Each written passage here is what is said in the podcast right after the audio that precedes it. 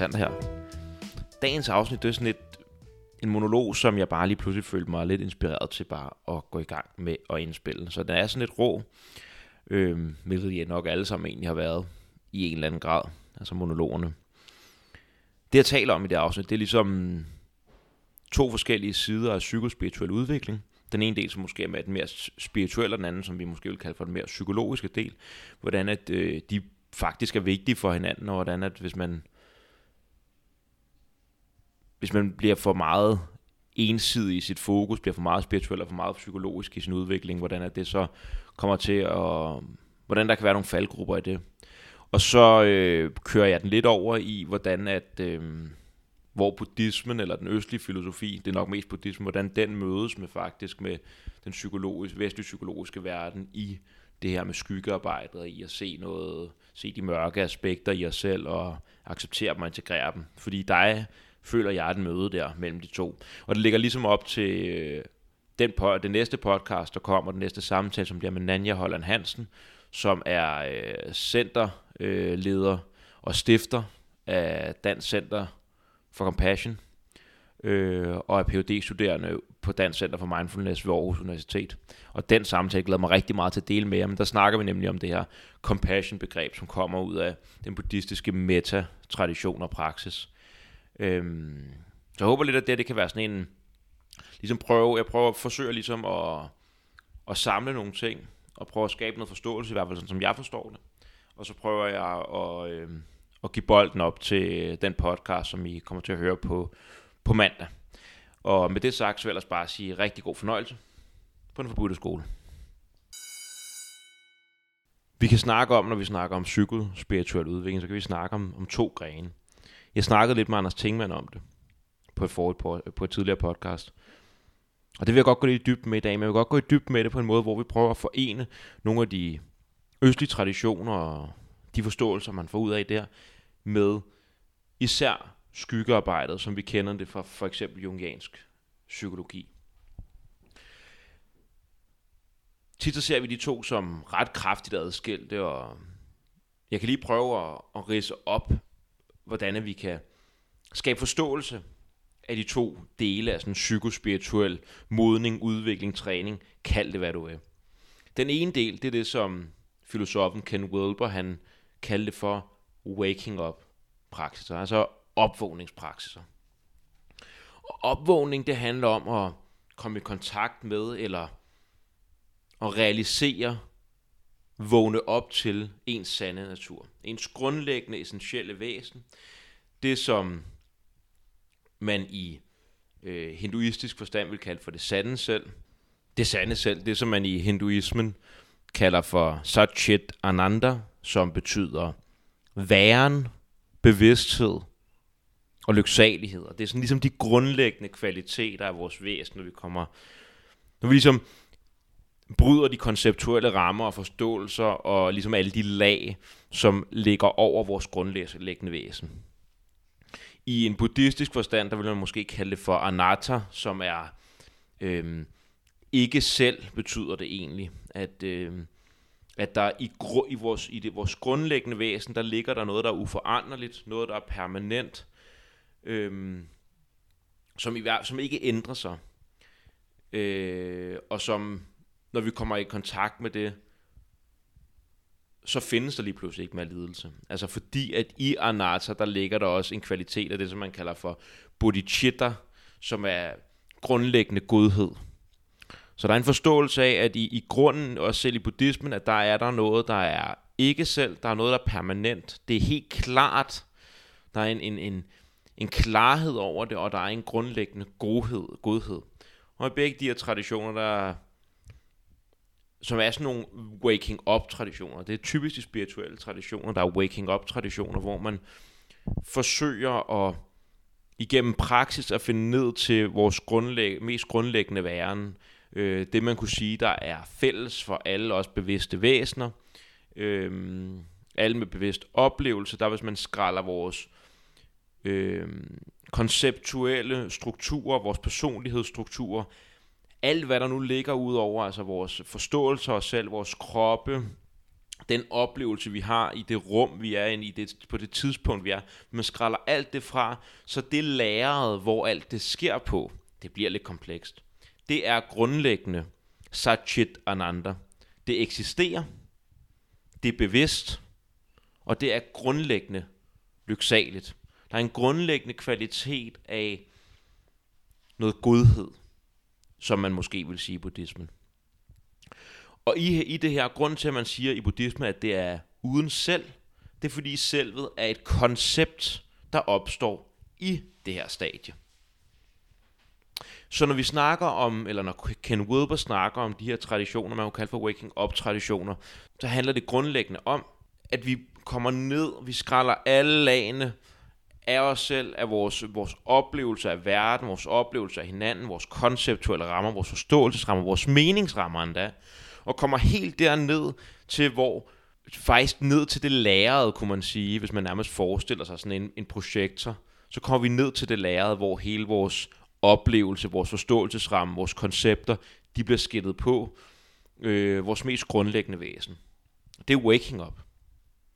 Og det, der kan ske, når vi, ligesom, og det snakkede jeg også om med Anders, det, der kan ske, hvis vi den identificeres for meget med den del af os selv, jamen så kan vi måske være fuldstændig oplyste i sådan en hinduistisk, buddhistisk, spirituel forstand. Altså vi kan have kontakt til vores grundlæggende væsen, vi kan have kontakt til altings forgængelighed, til at der ikke er noget fast selv, til alts forbundethed. Alle de ting kan vi egentlig have kontakt, kontakt til, og samtidig være racister, være mandschauvinister, være ja, narrøv på alle mulige måder. Ligesom man jo ser ofte igennem tiden med forskellige guruer, der begynder at blive noget, der ligner sektleder rundt omkring. Der ligger en ret fed dokumentar på, øh, på Netflix omkring ham her guruen, der hedder Osho. Og Osho, jeg betvivler faktisk ikke, øh, at han, altså, han virker som en mand. Den hedder Wild, øh, Wild Wild Country. Han virker som en mand, der har nogle ret dybe indsigter i bevidsthedens og eksistensens natur. Men samtidig er han måske ikke verdens mest etisk funderede mand. Og så kan man spørge sig selv, hvordan kan det hænge sammen? Og det der, hvor Ken Wilber siger, det er fordi, at vi har fundet noget i Vesten, noget som man også vil kalde for en spirituel tradition, som er rigtig vigtig. Og det er den del, som man kunne kalde for growing up, altså at vokse op, opvækst. Det, som den tradition indebærer, det er psykoanalysen, det er psykodynamikken, det er vores moderne psykologi. Øh, man kan også godt gå lidt længere tilbage og måske begynde at snakke om, øh, om etik og moralfilosofien, der også findes allerede tilbage i det antikke Grækenland. Men det er en forståelse af, at vi mennesker, vi på en eller anden måde har udviklingspotentiale. Vi kan blive til mere af os selv. Så det kan godt være, at vores grundlæggende væsen er et eller andet fuldstændig abstrakt på en eller anden måde, at det er noget prækonceptuelt, at det bare handler om, at det er noget, der eksisterer, at det er at vores grundlæggende væsen, det eksisterer, det er bevidst, og det er lyksaligt. Ja, det er fint nok. Men hvad med alle de nuancer af farver, som eksisterer, og som kommer til syne i vores grundlæggende væsen, eller som lag oven på vores grundlæggende væsen. Hvordan kan vi forstå dem? Det er egentlig det, som den vestlige psykologi på en eller anden måde tager sig af og prøver at skabe mening af. Så hvor man måske i buddhismen bare som grundlæggende, hvis du bare er anatta, non-self, du er i en eller anden tilstand af, er bare væren, ren væren, så op, så ser du måske, at okay, der kommer noget frygt op i mig her, og så ser du, at det går bort igen, og der kommer noget depression, noget en dep- følelse af depression op, og det går bort igen. Og grundlæggende så hviler du i den her følelse af lyksalighed, for du kan se, at det ikke har noget med dig at gøre. Men hvad kan der ske der? Der kan nemlig ske det, at man begynder at lave det, som man kalder for spiritual bypassing, at man simpelthen bare siger, at alt det der, det har jo ikke noget med mig at gøre, fordi der findes egentlig ikke noget rigtigt mig. Og når vi gør det, så kan der ske det, at vi ikke får set på de ting, som der er præsente i vores væsen. Præsente i de manifesteringer, der er i vores grundlæggende væsen. Altså for eksempel de, den manifestering af mig, af Alexander, som er med alle de neuroser og mærkelige forud forudantagelser og frygt og hvad der nu ellers kan være. Alt det, det skubber jeg bare til siden, for det er ligegyldigt, for mit grundlæggende væsen er jo alligevel bare lyksaligt og bevidst. Så hvorfor skal jeg bekymre mig om det? Så det er der, hvor den vælge psykologi siger, jamen det skal du, fordi at du kan grundlæggende vokse. Der er alligevel noget, der kan vokse. Man kunne sige, at jeg, i stedet for at være et fast selv, så er jeg et af, af, af, af oplevelsen, Alexander, det er en struktur i min grundlæggende væsen, i mit essentielle selv. Og den struktur er ikke noget fast. Det kan vi blive enige om. Det er ikke noget fast selv. Men det er en struktur, der er i udvikling. Og den vestlige psykologi siger så, jamen lad os da prøve at sætte den i udvikling på en måde, som så vi på en eller anden måde bliver til mere af os selv. Det som Jung kalder for individuering. Nå, lad mig tage et eksempel. Jung snakker blandt andet om det her, som vi kalder for skyggearbejde. Og det Jung han snakker om, det er især et, et, et sted, hvor vi rigtig kan se vores skygger, det er, når vi ser andre mennesker. Det kan være, at jeg går ned på gaden, og løber egentlig rundt og bliver sindssygt irriteret på folk, der for mig, en af mine skygger, det er folk, der har virkelig, virkelig godt styr på deres liv i forhold til, at de går på arbejde 40-50 timer om ugen, de tjener gode penge, de har jakkesæt på. Der er noget i mig, og det er jeg fuldt ud bevidst om, der siger, åh, hvor er du kedelig. Og i stedet for at sige, at du er kedelig, der står ham, der står derude, eller hende, der står derude med jakkesættet på, eller det der fine tøj er på vej ind i, i nykredit og laver mange penge. I stedet for bare at sige, at de er kedelige, så skal jeg måske tage og spørge mig selv om, hvad er det i mig, der afføder den reaktion? Og når jeg begynder at gøre det, så begynder jeg at have mulighed for at vokse ind i en ny dimension af mig selv, hvor jeg anerkender den del i mig, som gør, at jeg bliver irriteret over den anden. Det kan være, at jeg finder ud af, at jeg faktisk måske mangler at få styr på mit eget liv. At jeg ikke selv har helt styr på, hvordan fanden jeg skal tjene penge til dagen og vejen, så jeg kan forsørge en familie, så jeg går på tidlig pension, så jeg kan blive økonomisk uafhængig, hvad det nu kan være. Og fordi at jeg ikke selv har den kvalitet i mig, så skyder jeg min egen foragt, eller min egen mangel, som bliver til foragt, over på det andet menneske. Så skyggearbejdet, eller generelt den, øh, den vestlige psykologi, er en, endnu en dimension i psykospirituel udvikling, hvor vi kan sige, at hvis vi siger, at man i waking up-traditionerne, i opvågningstraditionerne, i de spirituelle øh, traditioner, ligger med, finder vores grundlæggende væsen, så kunne man sige, at man i opvækst traditionerne, i vores psykologiske traditioner, i, i, i growing up traditionerne, at man kigger på den struktur, vores selvstruktur, som hele tiden er under udvikling. Vi kigger på den, og så ser vi, hvordan kan vi blive til mere? Hvordan kan den, kan den stige kompleksitet? Hvordan kan den inkludere mere af hele vores væsen? Man kan jo bevidstgøre mere af vores væsen. Et andet eksempel kunne være sådan noget som Freud. Altså, det kunne være, at vi har nogle... Øh, øh, en eller anden neurose, vi har en ængsthed, det kan være, at vi har, øh, har en social angst, øh, noget, øh, noget, der bunder i, at vi øh, føler, at vi skal præ- præstere hele tiden, vi vil godt have anerkendelse, og den her følelse af, at vi skal præstere, den bliver så overvældende, sådan, så vi fuldstændig trækker os. Og så kan det være, at vi går til psykolog, og vi graver lidt i, at altså, øh, min mor, hun var altid, hun forventede så meget af mig, og det var aldrig godt nok, og bla bla bla, og derfor er der så ligesom blevet affødt den her neurose, den her ængsthed, hvad det nu kan være. Så kan man sige, at grave sådan i fortiden, det er jo ikke noget med opvækst at gøre, fordi opvækst er jo noget, der sker fremad. Det er noget, som vi, vi vokser ind i, og ikke tilbage. Men det, som, øh, som den analytiske psykologi og psykoanalysen egentlig har fundet ud af, det er, at altså, der er nogle, nogle dynamikker, der bliver sat, for eksempel i vores barndom, der bliver sat i gang, som faktisk begrænser os i vores væren og i vores væsen, og som kan gøre, at vi faktisk frakobler os fra dele af os selv, der er relativt essentielle.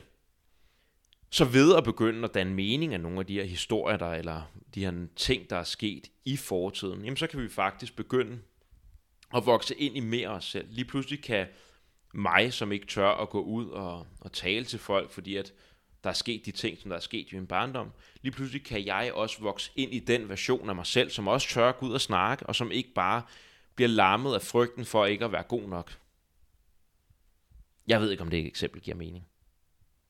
Ideen er i hvert fald, at hvor at de spirituelle traditioner måske har, de har fat i den ultimative, den essentielle sandhed omkring vores egen subjektive oplevelse.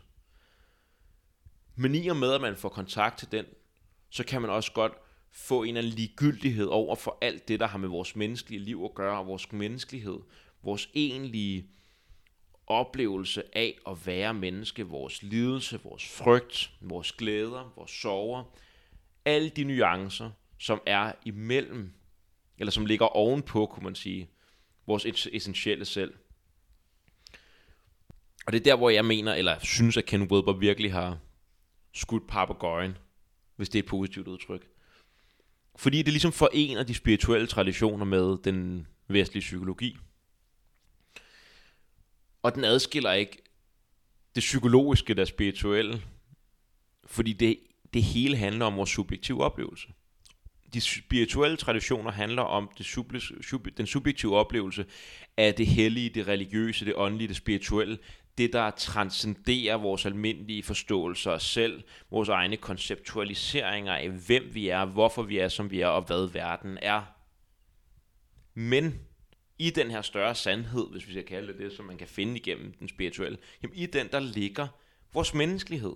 Der ligger vores depression, vores angst, vores historie, vores koncepter, vores forudantagelser. Og vi kan jo sagtens bare skubbe dem væk og sige, ved du hvad, det skulle lige meget. Fordi jeg har set lyset. Jeg kender sandheden. Ja, det er flot, du. Men du er også en narrøv. Fordi det er chancen ret stor for. Jung han snakker om, at hvis vi ikke, øh, at de, at de, de dele af os selv, som vi ikke, det som vi ikke integrerer, det som vi ikke bevidstligt gør, jamen det handler vi ud. Man kan måske se det som, der er ofte er der den her med, at øh, den misbrugte bliver selv misbrugeren. Der er sket noget så slemt, som vi undertrykker. Noget, der, noget, der øh, indprinter sig i vores væsen og i vores, på en eller anden måde, vores mentale struktur. Det kan være, at vi er blevet forgrevet på ofte som børn. Hvis vi ikke får talt om det, hvis vi ikke får hjælp til at bevidstliggøre den del af os for arbejdet med traumet, så ligger det måske bare og ulmer i det ubevidste, i mørket. Og ligesom grækerne forstod, at når man så en, der var helt op at køre af glæde, eller helt nede og nedtrykt på grund af noget ked af det eller vrede, jamen så sagde man, at det var Gud, man var i gudernes vold. Fordi personen var jo åbenbart ikke i kontrol. På samme måde, hvis du lige pludselig begynder at handle på de her gamle traumer, de her gamle mønstre, som du ikke har fået bevidstgjort, integreret, og på en eller anden måde taget styring over, så tager de styring over dig. Det jeg egentlig gerne vil med det, er, det er at prøve at skabe en, en, et billede på, hvorfor at de her to dele, ja, spirituel, psykospirituel udvikling, selvudvikling, de ikke taler mod hinanden, og hvorfor de egentlig er rigtig essentielle for hinanden. Grund til, at waking up-delen, altså kontakten til vores essentielle bevidsthed, eller essentielle væsen, som vi finder for eksempel, eller kan finde igennem for eksempel meditation. Grund til, at den er vigtig for vores opvækst, det er, at vi måske ikke er så... Vi identificerer os ikke så meget med det narrativ og de, og de koncepter og de øh, strukturer, der, øh, der skaber dem, vi er. Så på den måde kan vi have lidt mere nøgteren billede på os selv. Vi kan observere, at når der kommer forskellige følelser eller negative tanker op, vi kan observere vores hverdag, vores status i den sociale gruppe og sådan noget, uden at den styrer os, fordi vi forstår, at vi grundlæggende ikke er den.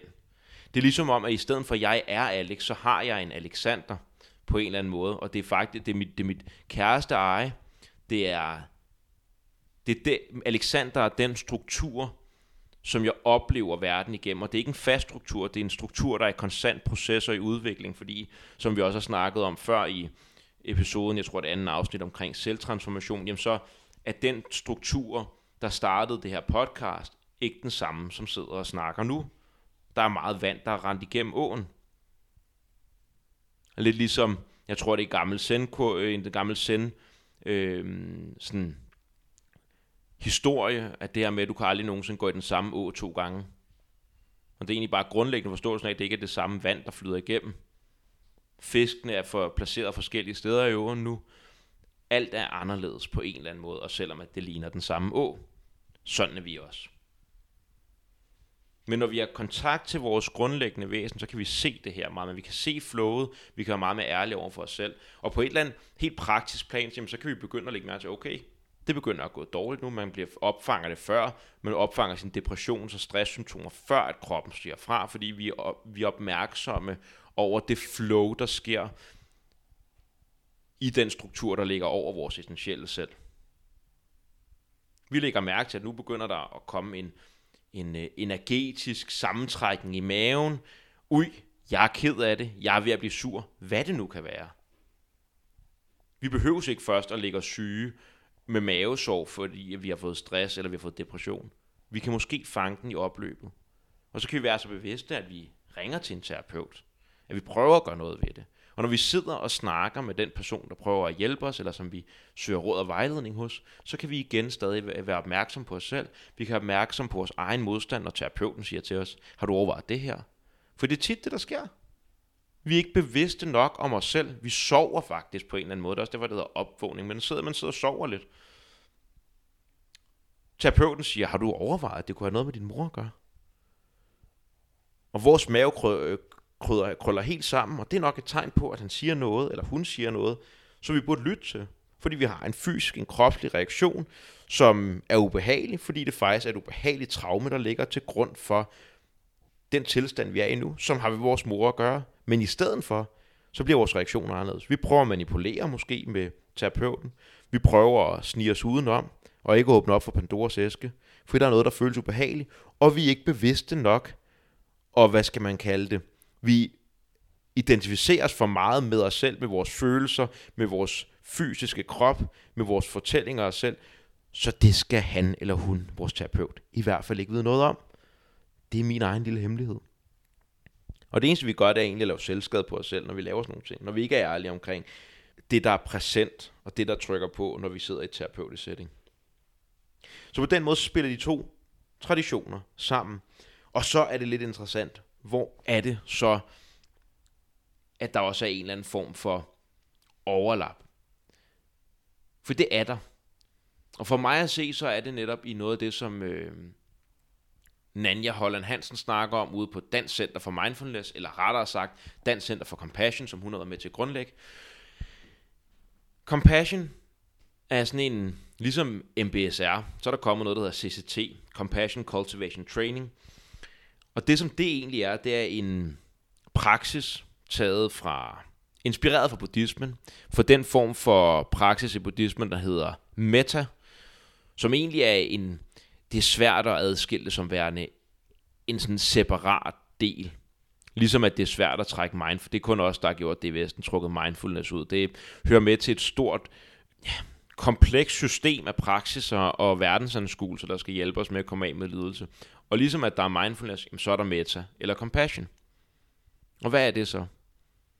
Jamen compassion, det er egentlig træ, eller compassion træning, eller meta praksisen, det er egentlig en træning af vores hjerte, af vores kærlige væsen, det er at finde ned til vores bodhicitta, som det hedder. Bodhicitta, jeg ved ikke, hvordan det udtales.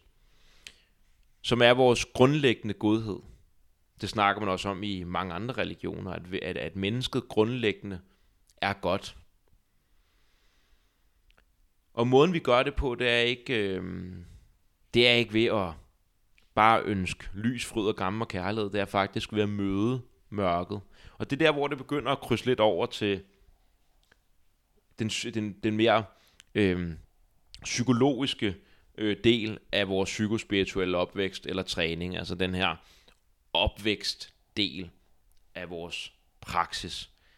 Fordi at når vi begynder at prøve at, stifte, at, at komme ned til vores grundlæggende kærlighed, vores grundlæggende medfølelse, compassion, medmenneskelighed.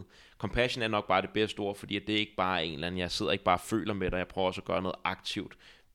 Det kan I, hvis I godt vil vide noget mere om compassion, så kan I tage afsnittet med Nanja Holland Hansen. Øhm, det skulle gerne være udkommet nu, så ikke så udkommer det lige om lidt. Det handler ikke bare om at sidde og ønske alt muligt kærlighed og fryd og gammel. Pima Chodron, som er en tibetansk buddhistisk nonne, oprindeligt fra USA, hun øh, snakker om, og det gør man generelt i buddhismen, at det faktisk er en kriger. At når man begynder at træne compassion eller metta, så er, bliver man en kriger. At for at finde bodhicitta, så skal man være en kriger. Og det er ikke en kriger, som skal ud og slås og slå folk ihjel. Det er en kriger, der tør at være med al, alt verdens lidelse, al verdens redsel, al verdens vrede og frygt. Og i stedet for at krampe sammen og gemme sig væk, eller at løbe ud og smadre folk, fordi at de er bange, eller du ved, øh, fordi der er nogen, der laver lidelse. I stedet for det, så holder man det. Så sidder man med det. Med kærlighed. Og lad det blødgøre en på en måde, sådan så at man igennem arbejdet med de sværeste ting i livet, finder ned til den fælles rod, som vi alle sammen har, som er, at vi er mennesker. Og at den frygt, jeg oplever, den sorg, jeg oplever, den depression, som jeg oplever, den er på en eller anden grundlæggende måde ikke min. Den er vores. Din depression, din sorg, det er også min. Jeg ved godt, jeg er den eneste, der har mistet min bedstefar. Du har ikke mistet min bedstefar. Du har ikke en eller anden frygt, den samme, helt samme frygt som mig, men vi har begge to en frygt. Og vi har begge to en sorg. Vi har begge to en glæde. Ligesom vi begge har et hjerte, der banker. Og vi begge to kan mærke kontaktfladen til verden. Men det, der er så interessant ved især de svære følelser i vores mørke, det er, at vi kan godt, når vi bare tager, altså vi kan sagtens forbinde os med andre mennesker, når vi tænker på kærlighed og lys og fryd og gammel og glæde, men der er altid nogen, vi skærer fra. Nogen, som er de andre. Og når, når vi laver compassion træning, så hvis vi starter med de svære ting, hvis vi starter med at prøve at træne, man kunne for eksempel starte med at prøve at træne compassion for en, man holder af. Og det vil se sådan her ud. Man vil sætte sig ned, og så vil man visualisere ens mor, ens far, en god ven. Helst et ikke for kompliceret forhold. En, man virkelig oprigtigt holder af, og et, hvor det er meget simpelt. Så begynder man bare at ønske med alle mulige gode ting. At de må være frie for lidelse, og, at, og de må være frie for, øh, for årsagen til lidelse. At de må være at de må opleve glæde, og de må finde roden til glæde. At de må opleve lykke og fred. At de må elske og blive elsket. Alt sådan noget der. Og så prøver man at, og det kan være, at det føles cheesy i starten, det er sådan lidt ligesom mindfulness, man skal blive ved med at praktisere. Og når man så finder frem til den her følelse, en hjertevarme, en åbenhed, en følelse af en ro omkring min, en, en følelse af, af reelt, et reelt ønske om, at de skal have det godt, så begynder vi måske at åbne lidt op for deres lidelse. Vi ved måske, at vores mor, hun... Vi ved måske, at hun er ked af det over noget. Vi ved måske, at hun er utrolig bange, for, fordi hun er syg, eller... Vi ved, at hendes chef er en nar over for hende. Vi ved et eller andet. Og i stedet for at ville fikse det, og prøve at, gøre et eller andet, så tager vi det bare ind. Vi sidder med det. Så bliver vi ved med at ønske alle de her dejlige gode ting for hende. At hun også må blive fri for lidelse at hun må finde glæde. Og når vi er blevet færdige med den, vi holder af, så kan vi tage en, som vi er sådan lidt indifferent overfor. Vi kan prøve at inkludere vores selv. Noget, som man normalt i de oprindelige praksiser i meta-praksiserne starter med, men som man i den vestlige verden har utrolig svært ved. Og når man er færdig med dem, man holder af, og nogle man er sådan indifferent over for nogle bare mennesker måske, den man møder nede i Fakta, eller nede i lo- lokale træning, en man ikke rigtig kender, ikke kender navnet på, men en man møder, man også har ønsket dem alt muligt godt, og få set deres ledelse, og været med deres ledelse. Så tager man folk, som man har det svært ved. Og det er her, hvor man bliver udfordret. For det er her, hvor vi steder støder på den anden sådan rigtigt. For dem, vi har udfordringer med, de er jo ikke lige så gode som os. Måske gør de noget, som vi endda ser som umenneskeligt. Og det er her, hvor vi bliver inviteret af metameditation, af compassion-meditationen, til at sætte os ned og være med den, vi har det svært med. Man kan tage en person i ens eget liv, eller man kan prøve at gå ekstremt og tage Mao, eller Adolf Hitler, Peter Madsen. En eller anden, der virkelig har gjort noget forfærdeligt. Det er en test. Og man kan lade deres forfærdelige handlinger, dem kan man, i stedet for at man kramper sammen i, hold kæft en idiot, og det er også umenneskeligt, og jeg skulle fandme slå dig ihjel. Så kan man lade det blødgøre sig. Jeg tænker, hvordan fanden kan man det? Man kunne måske forestille sig Hitler som baby. En lille barn, der vokser op. En brødre og søstre. En ungdom, hvor Første verdenskrig rager ind over Tyskland, eller ind over Europa. Millioner af mennesker bliver slået ihjel. Efterfuldt af det nye og stolte tyske riges kollaps. Økonomiske kollaps. Stolthedens kollaps. Hvornår i det her forløb blev monstret Hitler skabt? Er der et eller andet punkt, hvor vi kan finde en eller anden medmenneskelighed for ham? En kærlighed? En forståelse af, at vi også blot har med et menneske at gøre? Kan vi kigge i den femåriges øjne og sige, du er et monster? Hvis vi er helt ærlige for for os selv. Hvis vi mærker rigtigt efter og kommer ned i vores medmenneskelighed. Ned i vores menneskelighed. Så kan vi ikke. Måske kan vi endda sætte os i, i deres sted. Hvordan ville jeg være blevet, hvis jeg havde hans genetik? Hvis jeg blev født i det tid og sted, som han blev født i, og oplevede de helt samme ting. Var jeg så ikke også blevet Adolf Hitler? Havde jeg så ikke også været skyld i en af det 20. århundredes største katastrofer, redsler, mor, højst sandsynligt. Og det er ikke fordi, at vi skal godtage det, han gjorde. Det er ikke fordi, at det skal accepteres, det han gjorde. Eller at det skal, der skal gives grønt lys for det. Don't hate the sinner, hate the sin. Hitler kunne ikke andet på en eller anden mærkelig måde. Ham personen, som du ikke brød dig om, kunne ikke gøre andet. De gjorde det, de gjorde. Og vi må forstå, at det er en del af vores men- menneskelighed. Og det er her, hvor det fletter sammen med Jung. I hvert fald, det er sådan, jeg begyndte at forstå det. Det er også det, Jung vil. Jung vil gerne have, at vi går ned og ser, at de forfærdelige ting, der sker omkring os ude i verden, hvis vi tror, at de sker derude, så er vi forkert på den. Vi må forstå, at de sker lige så meget herinde i os selv. At vi har morderen i os. At vi har voldtægtsmanden i os. At vi har moren, der forsømmer sine børn i os. At vi har den grådige bankmand i os. De lever i os. Hitler lever i os. Alle de 20. De 20. århundredes redsler lever i os. Vi er dem, fordi vi er mennesker, og det var mennesker, der gjorde det. Og igennem metameditation kan vi komme ned i kontakt med det, og lige pludselig kan man sidde og have en oplevelse af, at man ønsker en person, som er forfærdelig, mener man, som er et nederdrægtigt menneske, Hitler. Man kan opbygge den samme følelse af compassion. Det tager tid det her, og det er ikke noget, jeg bare kan. Jeg har oplevet det før, men det har ikke været bare igennem metameditation. Men du kan få følelsen af, at du virkelig ønsker det væsen, der var inde bag Hitler, fordi det var dig på en eller anden måde, at du også ønsker det væsen. Alt det bedste. At du ønsker, at det ikke for lid- oplever lidelse. At du ønsker, at det mørke, som infisterede Hitler, at det ikke infisterede ham.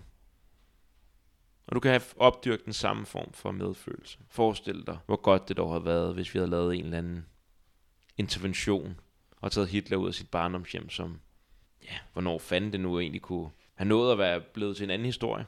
Så kunne vi ændre verdenshistorien, fordi vi havde haft medfølelse, i stedet for at pege fingre. Og det er, det er sådan, det er sådan kontroversielt det, ting, ikke? fordi vi har, vi vil så gerne gøre det til os og de andre. Vi vil så gerne pege fingre. Vi vil så gerne stå ude på venstrefløjen og være enhedslisten og sige, dem derovre i Dansk Folkeparti, de er fandme nogle cis-kønnede, hvide eller europacentriske mennesker, som bare videreproducerer patriarkatet, og som er racistiske. Det kan vi sagtens stå og sige. Det er super.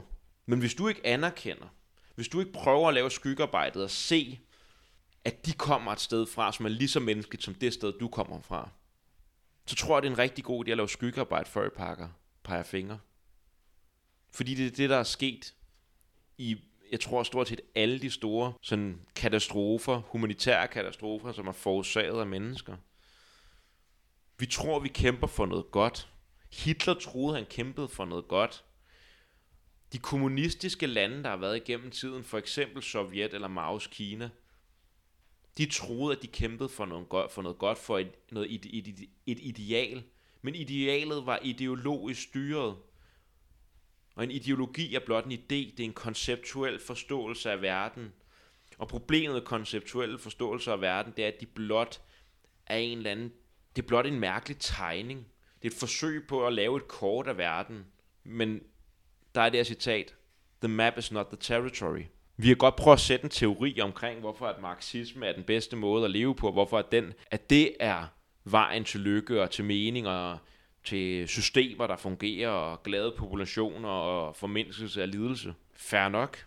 Men det er blot en teori, og verden er anderledes. Og hvis vi begynder at hænge så meget op på vores egen forforståelse, vores egen koncepter, så vi begynder at pege fingre af andre, uden at kigge ind af og se, at de dele også er i os selv, så tager man første skridt til at umenneskeliggøre ens medmennesker. Og hvis vi har en eller anden drøm om, i alt det kaos, der hersker lige nu, med det amerikanske præsidentvalg, med global opvarmning, flygtningekrisen, som det vil accelerere kraftigt. Altså, vi snakker 100 millioner flygtninge fra Bangladesh inden 20, om 20 år, eller sådan noget i den stil. Hvor skal de være? Og de kommer op til lande i Europa, som er politisk ustabile, med en politisk polarisering, som kun er voksende. Hvor kløften imellem mennesker er stigende, og sociale medier hjælper blot til den proces. Falske nyheder, jamen de vokser, eller de bliver sendt rundt seks gange hurtigere end de almindelige. Vi er i vores små informationsbobler i vores Facebook-grupper, hvor at konspirationsteorierne de bobler og syder som i små gryder, og vi står bare rundt deroppe og putter mere og mere ned i gryden, men ser ikke alt det, der foregår rundt om os. Og inde på den rationelle Facebook-side, der er alt bare totalt overrationaliseret. Og alt, hvad der har med ånden at gøre, alt, der har med mysteriet at gøre, det er bare lort. Og inde på den spirituelle side, jamen, der er alt, der er materielt, det er noget pis, og vi skal bare leve i love, peace and harmony, og det er bare det, det handler om. Og vi får lavet så mange grupper, hvor det er os og de andre. Og hvis vi gerne vil komme igennem alle de kriser, også med corona og hvad der ellers kan være, så tror jeg bare, at skyggearbejdet, det ikke er noget, som vi kun gør for os selv. Fordi jo, det er det. Vi gør det for os selv. Vi gør det sådan, så at vi kan oplyse vores eget mørke. Og i det, der ligger der en styrke. Fordi hvis jeg ved, at jeg grundlæggende er farlig, er de mig, der ligger der en morder, Er i mig, der ligger der en voldtægtsmand, der ligger en, der slår fra, der ligger en, der ikke finder sig en skid, så kan jeg bruge den energi, den viden, bevidst. Ikke at jeg skal ud og slå folk og slå ihjel, men jeg kan være mere sikker i min karakter, fordi jeg forstår, at jeg er også, for mig er det også muligt at være voldsom, at være farlig. Og så kan jeg tage det etiske valg om at være god. Fordi det er først der rigtig godhed opstår, tror jeg. Godhed er ikke noget, som vi bare er. Jo, vores grundlæggende natur måske, at det føles godt. Bodhicitta, at vi, når vi kommer derned, når vi ser, hvordan vi er fuldstændig ens, så er vi gode. Fær nok. Men de strukturer og de koncepter, vi løber rundt med, vores personlighed er ikke grundlæggende god. Og hvis vi kun er gode, fordi vi ikke har et andet valg, fordi vi er bange, og fordi at vi er fyldt op med frygt, så er vi ikke gode. Så er vi bare bange og fyldt op med frygt, og måske mest af alt, så er vi svage. Men hvis vi ved, at vi også med vores hænder kunne tage livet af et andet menneske, men vi vælger at gå lysets vej, så er det der, hvor vi for alvor kan snakke om godhed. Og når vi gør det, så bliver vi til mere os selv.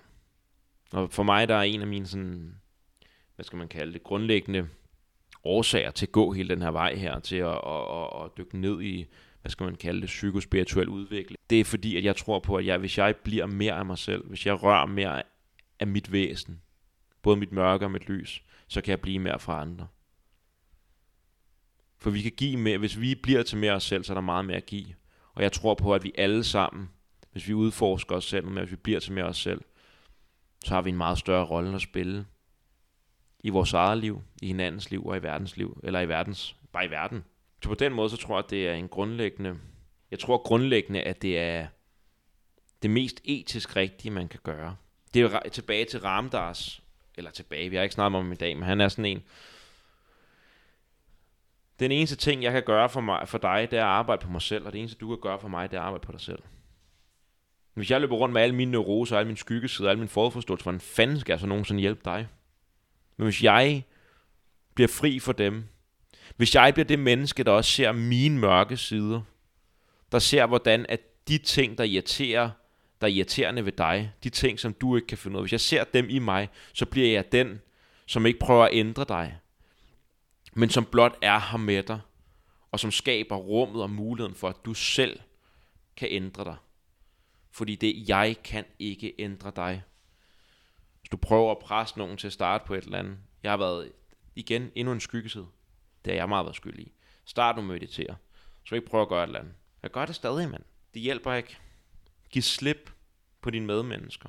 Og se, hvordan de dele, der irriterer dig i dem, at de måske ikke gider at starte med at meditere, at de ikke tager deres egen, deres egen traumer seriøst, eller at de er bare irriterende. Hvis du kan se, at de er en del af dig, så irriterer de dig ikke mere.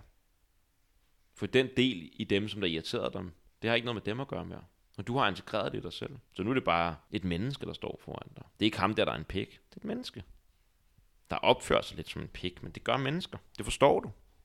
Det gør du også en gang imellem. Det gør jeg også en gang imellem. Det gør vi alle sammen. Ja, jeg ved sgu ikke rigtigt, om, om, om, om den her giver mening, men i hvert fald, jeg prøver ligesom, øh, for lige at, at lave et recap, det, det som jeg synes, der er vigtigt, det er, at vi, vi begynder at, øh, at det spirituelle og det psykologiske ligesom får lov til at flyde lidt sammen, fordi det også med, når, nu når vi ser, hvordan effekterne af mindfulness, øh, eller de, måske, lad os gøre det lidt bredere, de buddhistiske spirituelle praksiser som mindfulness og som compassion, og der kommer nok flere til. Når vi kigger på dem, så har de en grundlæggende karakter af noget, der går dybere end psyken, fordi vi går ned og rammer nogle dele af os selv, som man kunne kalde dem for ren bevidsthed, som bare er præpsykologiske i en eller anden forstand, men de har en psykologisk effekt, forstået på den måde, at vores psykologiske landskab bliver bedre, øh, vores psykologiske velbefindende bliver bedre af de her praksiser, og det samme med psykedelika. Så vi kommer ud i stadier, som psykologien har vildt svært ved at gøre noget ved. De er i grunden på en eller anden måde spirituelle, transcenderende. De er prækonceptuelle i en eller anden forstand. Men det præskonceptuelle har en effekt på vores konceptuelle verden. Og derfor tror jeg, at vi bliver nødt til at snakke om psykospiritualitet.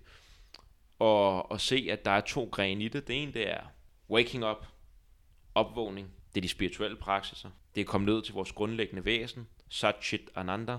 Det værende, bevidsthed og lyksalighed, som er kvaliteterne af vores grundlæggende væsen. Men så er det også at lad være med at lave spiritual bypassing og bare se alt det andet som værende noget pjat. Alle nuancerne, som udspiller sig i vores, eller ovenpå, som lag ovenpå vores grundlæggende væsen. Hele vores psykologi og vores, vores liv, vores menneskelighed, den skubber vi ikke bare under tæppet, fordi vi bare ser os selv som en eller anden, altså som ånder nu, eller som, jeg er bare rent bevidsthed. Ja, ja, det er du. Men du er også meget mere end det. Du er også et menneske. Du er også en, der skal betale regninger. Du er også en, der bliver sur på din far. Du er også en, der bliver sur på din bror, søster. Du er også en, der glæder dig over at se FCK eller Brøndbyer. Du er så meget mere kompleks end det. Du elsker at gå i naturen, du hader at gå i naturen, hvad fanden det nu kan være. Og alt det skal også inkluderes. Og det er der, hvor at vores vestlige psykologiske traditioner har virkelig har noget at byde på. Og det handler om at gå ned i de steder, der er ubehagelige. Og kigge alle de steder, hvor vi ikke vil kigge.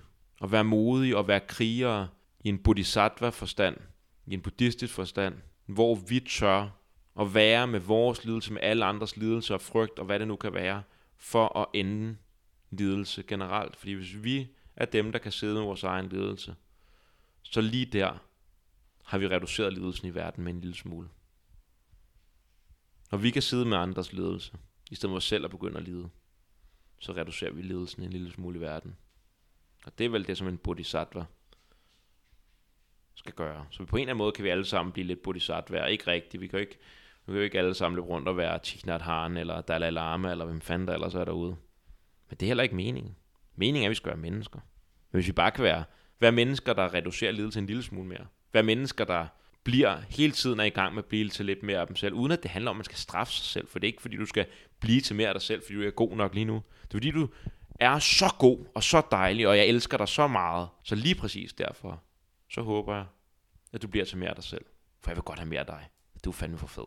Og med den, der går vi ned i mørket. Ned og møder de mørkeste dele af menneskeheden. Finder dem i os selv. Tager dem med op til overfladen. Ser dem. Gør dem bevidste. Og sikrer os, at de ikke dominerer os. At de ikke har magt over os. At vi kan vælge en anden vej. At vi kan gå mod lyset. Jeg vil gerne, øh, jeg ved ikke om det er det totalt cheesy, men jeg vil, jeg vil rigtig gerne lige slutte af med Et digt, som jeg fik læst op, øh, da jeg tog det her compassion-kursus. Det er Thich Nhat Hanh, og det hedder Please call me by my true names. Do not say that I'll depart tomorrow, because even today I still arrive. Look deeply. I arrive in every second. To be a bud on a spring branch, to be a tiny bird with wings still fragile. Learning to sing in my new nest, to be a caterpillar in the heart of a flower, to be a jewel hiding itself in a stone. I still arrive in order to laugh and to cry, in order to fear and to hope. The rhythm of my heart is the birth and the death of all that are alive. I am the mayfly met- metamorphosing on the surface of the river, and I am the bird which, when spring comes, arrives in time to eat the mayfly. I am the frog swimming happily in the clear pond, and I am also the grass snake who, approaching in silence, feeds itself on the frog. I am the child in Uganda, all skin and bones, my legs as thin as bamboo sticks. And I am the arms merchant selling deadly weapons to Uganda. I am the 12 year old girl, refuge, refugee on a small boat, who throws herself into the ocean after being raped by a sea pirate. And I am the pirate my heart not ca- yet capable of seeing and loving. I am a member of the Politburo, with plenty of power in my hands, and I am the man who has to pay his debt of blood to my people, dying slowly in a forced labor camp. My joy is like spring, so warm it makes flowers bloom in all walks of life. My pain is like a river of tears, so full it fills the four oceans. Please call me by my true names, so I can hear all my cries and laugh laughs at once, so I can see that my joys and pains are one. Please call me by my true names, so I can wake up, and so the door of my heart can be left open, the door of compassion.